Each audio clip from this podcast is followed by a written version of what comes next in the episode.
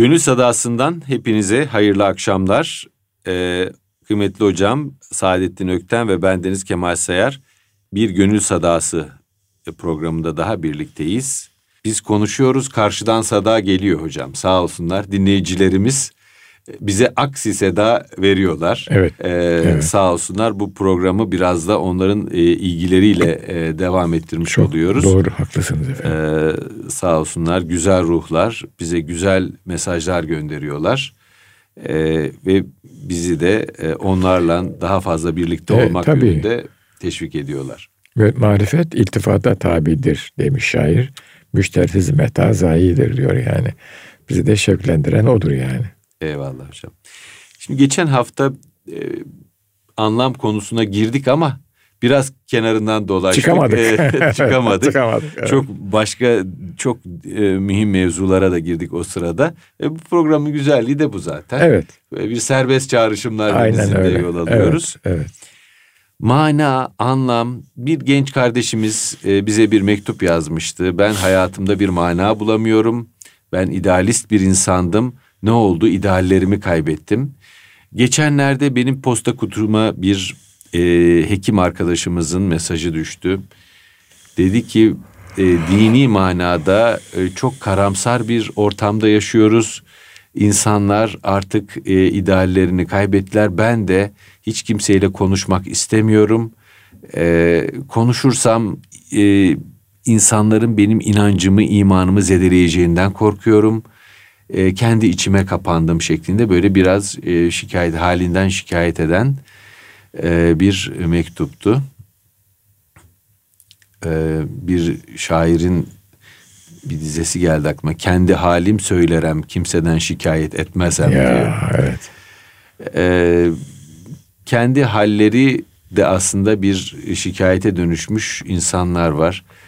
Ne dersiniz hocam? Bir bir ümitsizlik buhranıyla karşı karşıya gibi görünüyoruz. Genç nesilde böyle nihilizm giderek bir e, yaygınlık kazanıyor gibi. İnsanların gözlemleri var. e, çeşitli yerlerde dile getiriliyor. İşte gençler arasında deizm yayılıyor. E, daha böyle bir e, Tanrı'ya inanma ama herhangi bir dine bağlı kalmama yönünde daha yaygınlaşan bir zihniyet var deniyor. Sizin bu konudaki düşünceleriniz, gözlemleriniz nedir? Valla ben e, çok fazla yani insanlarla temasım yok. Hani işte biraz matbuata bakıyorum, biraz görsel filan. Ama ben şunu size yani bu açıklamalarınızdan şu nokta zihnime geldi. Demek insan hayatta bir mana arıyor yani. Başka canlılara bakıyoruz böyle bir arayış görmüyoruz yani onlarda. Ama bizde bir anlam arayışı var ki hayatımın anlamı kayboldu. İnsan olmayan bir şey aramaz. Şu halde bu anlam e, fikri, anlam idesi bize nereden geliyor diye düşünmek lazım diye düşünürüm başlangıçta. E, diğer canlılarda böyle bir şu an yani bir idenin bizde var olması demek e, bir hikmetin hani anlam dediğimiz idenin bir hikmeti var ki o bizde var oluyor. Yani şimdi anlamın arkasına doğru geçiyoruz. Peki sebep ne diyoruz? Yani kozalite neden hikmetine? Bu e, hadise deneyle saptanabilir bir şey olsa gözlem yapacağız. Ama deneyle saptanamıyor. Ve bizde bir ide, böyle bir ide var. Ve bu, bunu kaybettiğimiz zaman mutsuz oluyoruz. Hı hı. Peki bunun çaresine e, insanda bilgi kaynakları belli. İşte birisi gözlem, diğerisi diğeri rasyonel ak, aklın kendisinin doğuşta var olan bilgisi, aklın kuralları. Bir de nakil var. Bir de buna sezgiyi eklediler. O halde yani benim böyle bir sorunum olsa hayatımın anlamı kalmadı diye ben burada gözlem ve e, rasyonel bendeki mesela aklın kendi bilgisi en basiti bir şey e, kendisidir başka bir şey olamaz. Bu aklın kuralı, tem, temel kuralı. Doğuştan bizde bu var. İki ayrı şey, üçüncü bir şeye eşitse o iki ayrı şey birbirine eşittir. Bunlar aklın kuralları. Bunları siz daha iyi biliyorsunuz. Ben biz matematikte mantıkta okumuştuk. Burada da yok. O zaman nakle bakmamız gerekiyor diye düşünüyorum. Evet. Kendi hayatıma bakıyorum. Bana hayatın anlamını, hayatın anlamını nakil öğretti. Nasıl bir nakil bu? E, ailemden yani beni terbiye eden insanlardan gelen bir nakil. Burada bir kavram daha çıktı karşımıza terbiye kavramı. Hı hı. İnsan varlığı terbiye ediliyor. Eğitiliyor. Evet. Bu eğitim sadece bedensel bir eğitim değil. Aynı zamanda zihinsel ve ruhsal bir eğitim. Kalbimizi de terbiye ediyorlar. Ve hayatın anlamını biz bu terbiyede buluyoruz. Ama öyle terbiyeler var ki olabilir ki hayatın anlamını ignor ediyor, ihmal ediyor, düşünmüyor. Ama insan varlığında sizin biraz evvel sorduğunuz problemde o çok net görünüyor. Hayatın anlamını yok sayan bir terbiye sistemi içerisinde yetişmişseniz bu nokta açıkta kalıyor. Ama hayatın belli safhalarında bu anlam size kendini eksikliğiyle hissettiriyor. Yani terbiye sisteminde hayatın anlamı kavramı yoksa bile o iç dünyanızda var olan bir ide, bir idea ve onu onu kendini size hissettiriyor. Şu anda yapılacak olan şey belki önce bilgi bazında hayatın anlamını içeren bir kavramsal çerçeveye, bir düşünce sistematiğine müracaat etmek, önce bilgi bazında onu öğrenmek diye düşünürüm. Ama her bilgi problemimizi çözmez. İnanç bazına geçmezse, inanç düzlemine geçmezse o bilgi o problemi çözmez, bilgi olarak kalır. İnanç olarak kalması için de veya inanç düzlemine geçmesi için ise oradaki paradigmayı izah edemiyoruz. Nereye kadar inanç, nereye kadar bilgi böyle izah edilemeyen bir takım paradigmalar var. İzah dediğimiz zaman yani aklın sınırların ötesinde bir hadise. Deterministik kurallara tabi olmayan, neden sonuç ilişkileri içinde izah edemediğiniz. Ede evet. Evet. Bir hadise. Daha kuantum e, evet. dünyasında belki anlayabildiğimiz şey. Probabilistik bir hadise belki yani ne oldu, nasıl gittiği belli olmayan bir hadise. Dolayısıyla e, ama şunu söyleyebiliriz belki yani hayatın anlamını e, yitirmişseniz, bunun eksikliğini hissediyorsanız sizin gibi aynı yoldan geçmiş hayatın anlamının bulduğunu söyleyen insanların yazdıklarına, hayatlarına bakabilirsiniz. Biliyorsunuz biz işte üniversitede asistanlığa başladık. O zaman dekanlığa yazı var. Yazı yazılıyor, cevap veriliyor. İlk yeni başlayan asistan çömez kürsüye geldi gitti evrakını tutar. Diyelim ki hoca izne gidecek bir yazı yaz diyor. Nasıl yazacağım? En basiti daha evvelki örneklere bak oldu. Bu kadar basit. Hayat için çok fazla büyütecek bir şey yok. Sen izne gideceksin. Asistanlar nasıl yazmışlar önceki örneklere bak. Siz de eğer hayatın anlamını yitirmişseniz ve bundan sıkıntı çekiyorsanız, çekmeyenler de var çünkü, bulamıyorsanız hayatın anlamını yitirmiş ve sonra bulduğunu söyleyen, yazan insanların yazdıklarına bakın. Daha iyisi böyle bir insan tanıyorsanız ondan ahbap olun. Yiyin için, gezin, dolaşın, meclisinde bulunun. Bakalım ne yapmış adam yani. Bu problemi nasıl çözmüş. İlla bir sonuç alırsınız diye bir şey yok ama en azından size yoldaş olan birisini bulursunuz. Küçük bir fıkra Nasrettin Hoca'dan. Herkes bilir ama bir daha söyleyelim. Nasrettin Hoca eşekten düşmüş. Etrafına toplanmışlar. Üst baş perişan kavuk filan bir tarafa savrulmuş. Aman hocam hekim işte hocam demiş yok yok yok demiş. Bana onları getirmeyin. Hekimi getirelim. Eşekten düşen birisini getirin demiş. Benim halimden o anlar diyor yani. Olay bu. Evet. Hayatın anlamı evet. Hocam e, şimdi bu hayatın anlamı e, psikiyatrinin de uğraştığı konulardan bir tanesi. Çünkü e, bazen bize e, danışan, başvuran insanlar büyük bir anlam boşluğundan yakınıyorlar. Evet. E, biraz modern dünyada insanı getirip böyle bir yere e, bıraktı. Çünkü geleneksel anlam sağlayıcı yapılar çözülmeye uğradı, aşınmaya uğradı. Din Batı toplumunda mesela büyük bir çözülmeye uğradı.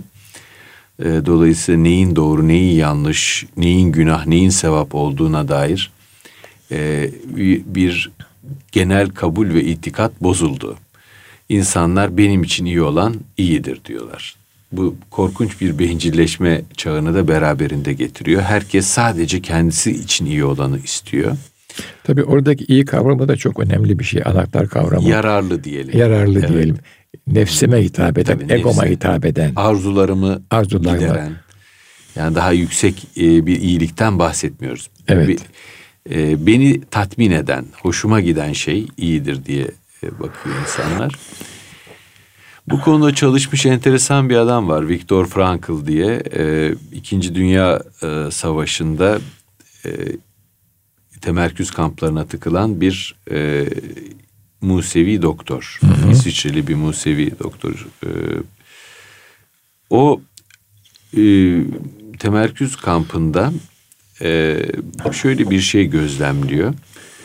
Bazı insanlar çok çabuk pes ediyorlar ve vefat ediyorlar. Bazı insanlar ise direniyorlar ve kamptan e, sağ çıkmayı başarıyorlar. Kim sağ çıkıyor diye bir bilim adamı kafasıyla bakıyor, incelemeye çalışıyor. Ee, ümit duygusunu koruyanlar ve anlam duygusuna sahip olanlar. Yani ben bu acıları yaşıyorum, şundan şundan dolayı yaşıyorum. Yaşadıklarından bir anlam çıkarabilen, bunun üzerine tefekkür eden ve bütün bunları aşabileceğine dair kuvvetli bir ümit taşıyan insanlar kolay kolay ölmüyorlar. O bütün o olumsuz e, şartlara rağmen. E, oradan da o böyle bir e, logoterapi diye bir anlam eksenli bir psikoterapi ekolü üretiyor ve insanın temel meselesinin anlam açlığı olduğu. Logoterapi. Logoterapi. Buradaki logo logostan Logo mı? tabii logostan. Logostan geliyor evet. evet. Hik, hikmet terapisi. E, hikmet terapisi tabii. Yani Gibi. insanı temel e, sahiki bu e, terapi yönteminin insanı e, e, hayatının anlamını bulmaya sevk etmek. Sevk etmek. E, anlam üzerine düşündürmek. Şimdi gaye ile anlamı birbirinden e, birbirine karıştırmamamız lazım bence. Evet. Ee, insanın hayatının bir gayesi olabilir. Yükselmek isteyebilir. Evet. Profesör olmak isteyebilir. Zengin olmak isteyebilir. Bu bir gayedir. Maddi bir gayedir. Evet. Ve tanımlanmıştır bu. Evet. Yaşadığınız ortama göre bunun tanımı var. Bunun bir tanımı evet. var. Ama anlam Anlamın, daha manevi bir şey. Anlamın tanımı yok ama. Evet. Mana sadece bu dünyadaki e, yapıp ettiklerimizden devşiremeyeceğimiz bir şey. Ötelerle bir rabıta olmadan, ötelerin sesini duymadan, sonsuzluğun e, ateşi içimize düşmeden sanki cevap bulamayacağımız evet. bir şey. İnsan e, sadece mesela meslek hayatında da anlam bulabilir. E, kendini oraya adar ve e, kendince bir oradan anlam üretebilir ama acaba o ne kadar yeter insana? Geçen programda hani bir e, hocanızdan bahsettiniz. Bir pencere e, açtı. E, benim onu tekneden bahsettim. Öyle dediler evet, evet yani çocuklar öyle söylerler evet. Biraz da insanlar kendilerini e, ölümün hakikatine e, kapatmak için işkolik oluyorlar. Maalesef. Biraz da insanlar kendilerini ölümün hakikatine kapatmak için alışveriş bağımlısı haline geliyorlar evet. veya türlü iptilalara duçar ha, e, hale geliyorlar. Evet. E, her insan ölümlü olmak hasebiyle bu anlam çağrısına bir cevap vermek zorunda. Ölümlüyüm. Yani cesedimi gezdiriyorum. Ama bu cesedi bir gün gezdiremez hale geleceğim. O zaman bu hayatı niçin yaşıyorum? Yani geriye dönüp baktığım zaman ben bu hayatı şu şu şu amaçlar, şu şu şu değerler için yaşadım. Benim hayatımdan geriye şöyle bir şey kaldı. Yı nasıl söyleyeceğiz? İşte o değer meselesi çok mühim burada. Değer sözcüğü çok mühim. Hı hı. Ben yine önce bir isterseniz seküler bazda bir olaya yaklaşayım.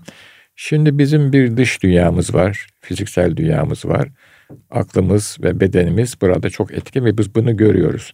Ve biz bunu ötekine gösteriyoruz. Öteki de bizim bu dış dünyamızdaki eylemlerimize göre hakkımızda hüküm veriyor. Hükümler müspet olursa çok mutlu oluyoruz. Varlığımız tamamlanmış oluyor. Ama bir de iç dünyamız var. Esas biz anlamı iç dünyada kuruyoruz. Anlam, anlam e, organizasyonunu diyelim size. Ve yaptığımız her eylemin dış dünyamızdaki den daha derin iç anlamları var. En basit bir eylem yapsak. Diyelim ki bir taşı aldık duvarın üstüne koyduk. Bu fiziksel bir hadise. Ama biz o taşı alırken o hadiseye bakışımızı bu taş bir otomobil geçerken ona çarpabilir, insanın ayağına takılabilir, yoldaki güzelliği bozabilir hı hı. türünden. Hı hı. Ona dış dünyada karşılığı olsun olmasın. Hı hı. Böyle bir anlam yükleyebiliyorsak bir anda iş dünyamızın ne kadar farklı bir noktaya doğru evrildiğini Tabii. göreceğiz Tabii. kendi içimizde. Bu neden? Demek ki bizim varlığımız, bakın yaratılışımız demiyorum özellikle. Seküler konuşuyorum bugün. Demek ki bizim varlığımız yaptığımız her eyleme zahirin ötesinde bir başka görünmeyen bir e, yorum getirirse mutlu oluyor. Biraz evvel söylediğim gibi böyle yorum getiren insanların kitaplarını okuduğunuz zaman, tanıdığınız zaman bir anlamda bütün e, dış dünyanız, bütün e, dış dünyanız aynı kalsa bile iç dünyanız çok genişler. Bir de buna sizin biraz evvel sözünü ettiğiniz ahiret inancını, ölüm realitesini, hizmet güzelliğini, merhametin ve şefkatin insan ufkuna getirdiği yumuşaklığı katarsanız bir anlamda anlam dünyası renklenen bir feza gibi olur yani. Zahirdeki her hareketiniz kendi iç dünyanızda muhteşem yankılar uyandırır. Ve bu hareketin dış dünyadaki etkileri de müthiş olur. Eskiden uslup diye bir şey vardı hareketlerimizde. Tavrı hareketteki uslup. Hı hı. Mesela bir kapıyı kapatıyorsunuz. Bir yere giriyorsunuz. Adımlarınız, yürüyüşünüz, bakışlarınız. En basiti yani bir resmi daireye girdiniz, bir iş yapacaksanız. Girmek var, girmek var.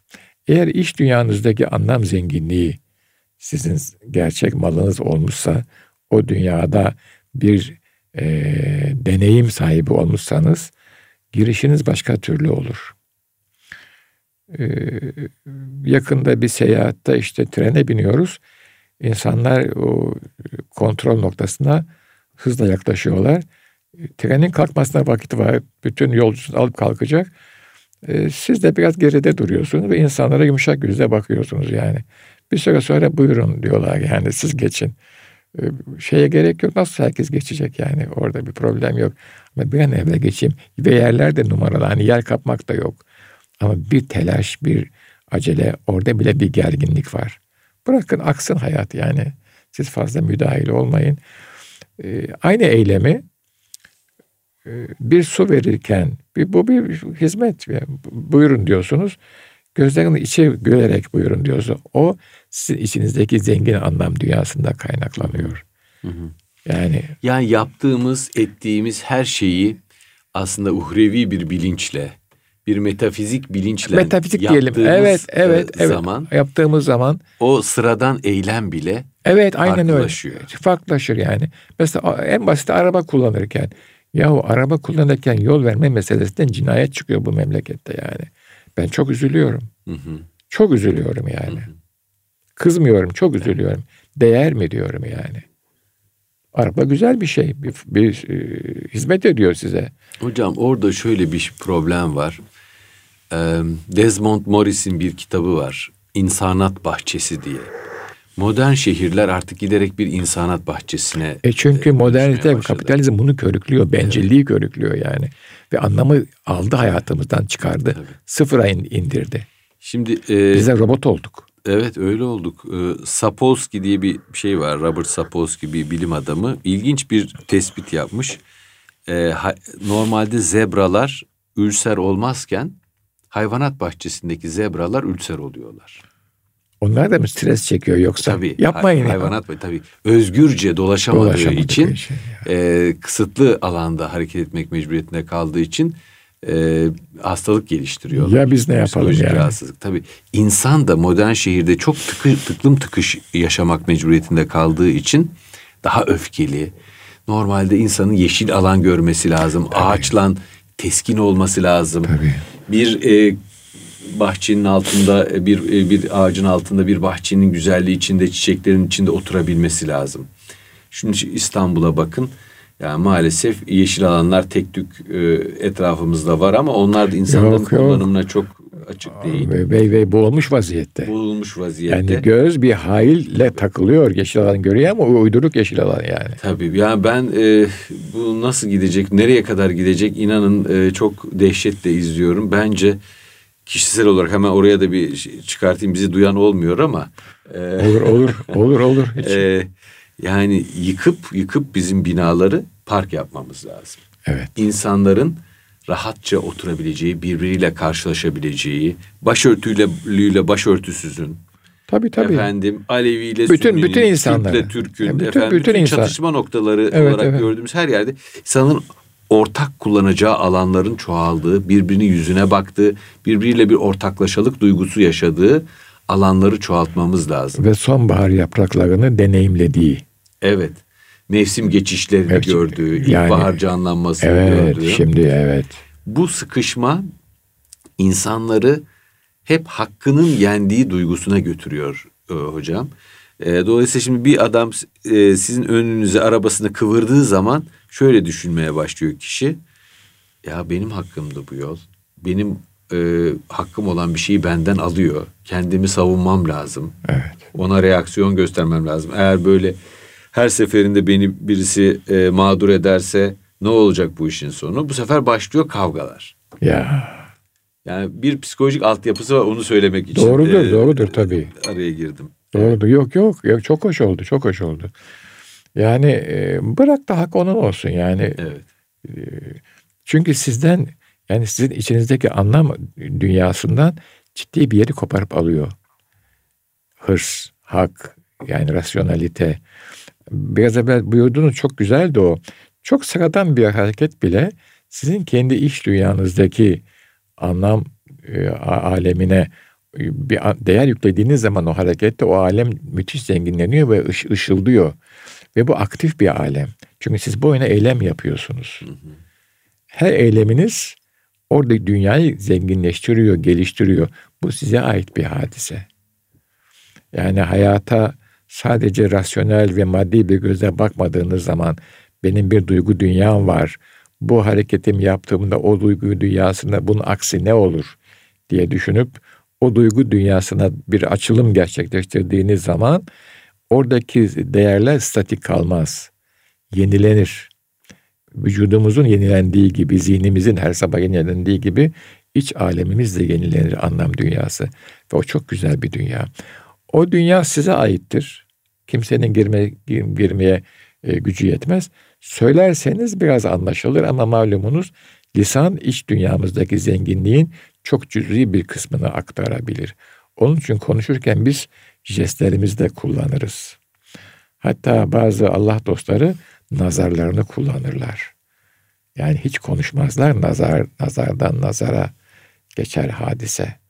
Onun için mesela eskiler şöyle derlerdi. Nazarı evliyaya muhatap olmuş.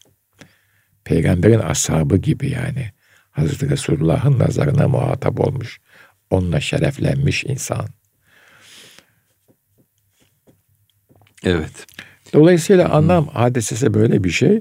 Tabii ki biraz evvel bahsettiğiniz yani o ahiret, ölüm, kader onlar düşündüğünüz zaman bu parklar çok mühim bir şey. Ben gene oraya geleyim. Çünkü içimde bir ukdedir o.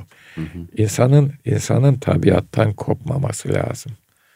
Yani eee, o büyük eee, pitoresten kopmaması lazım. Eee, mekansal olarak o çok mühim bir hadise. Eee, hayatın akışını çünkü biz hayatın akışını zaten deneyimliyoruz. Bunu kurgusal manada yaptığımız zaman bu deneyim de kurgusal oluyor ve bizi tatmin etmiyor. Bir süre için tatmin eder. İşte gökdelenleri, yüksek teknolojisi, akıllı binası ama insanı aradığı o değildir.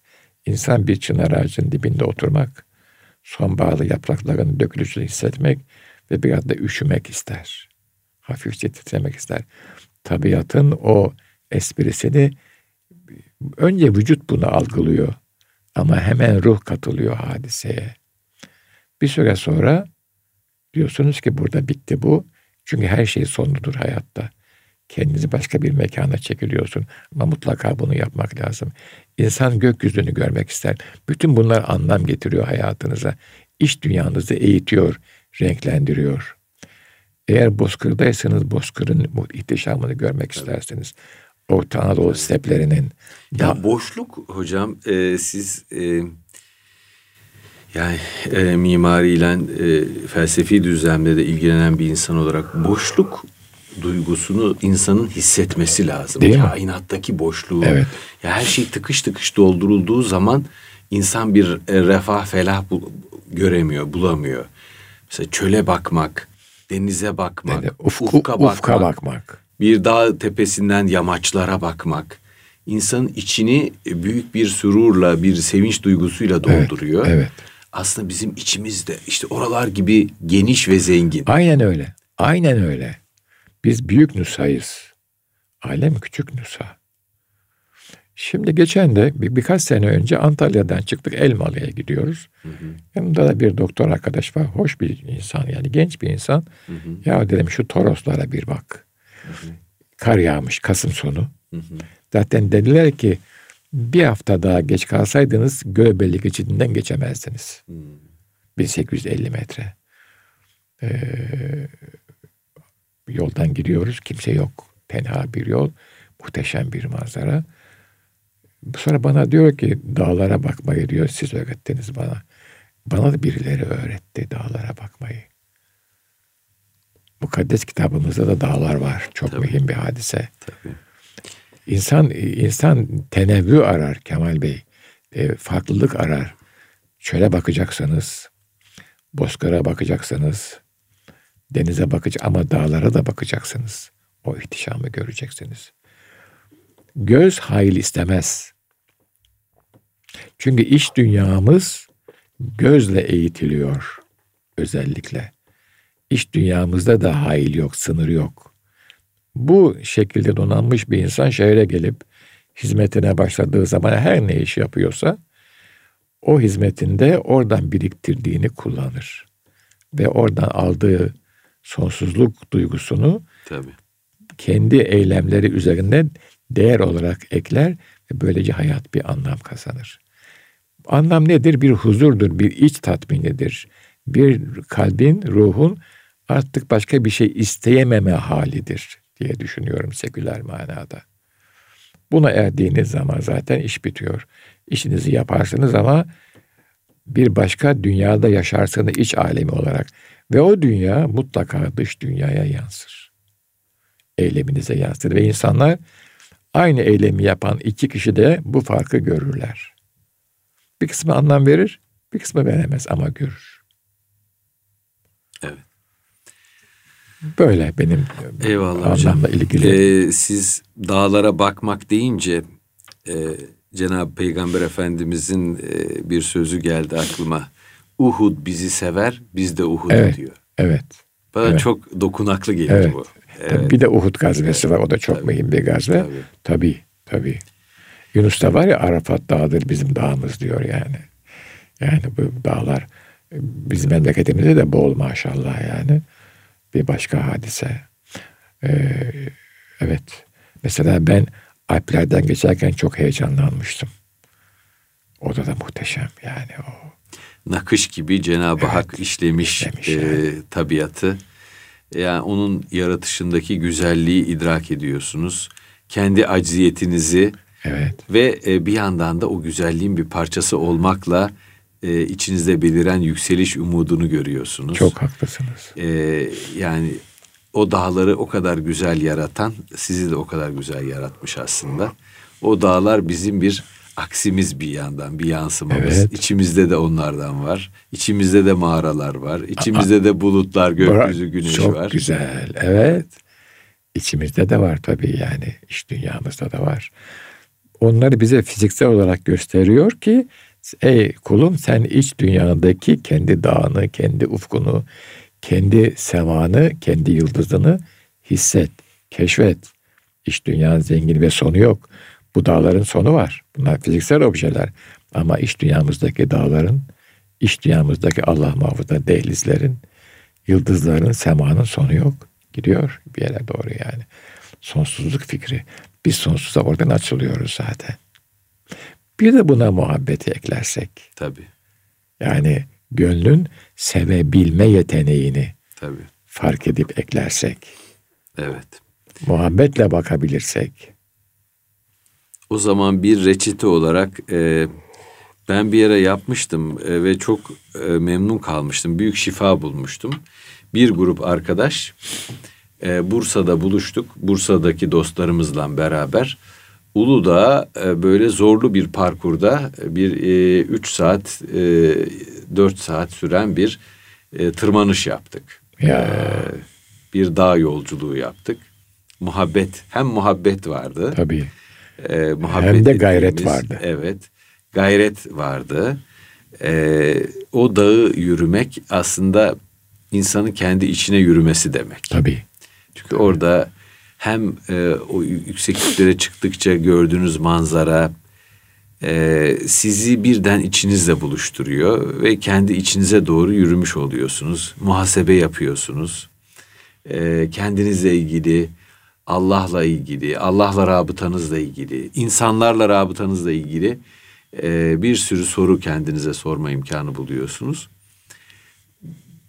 Anlam şöyle bitirelim mi hocam? Bitirelim Ee, hayır tabii. anlam e, hepimizin kendi kendine uğraşarak, didinerek, alın teri dökerek, çaba harcayarak bulması gereken bir şey. O bizden gökten zembile inmeyecek. İlmiyor evet.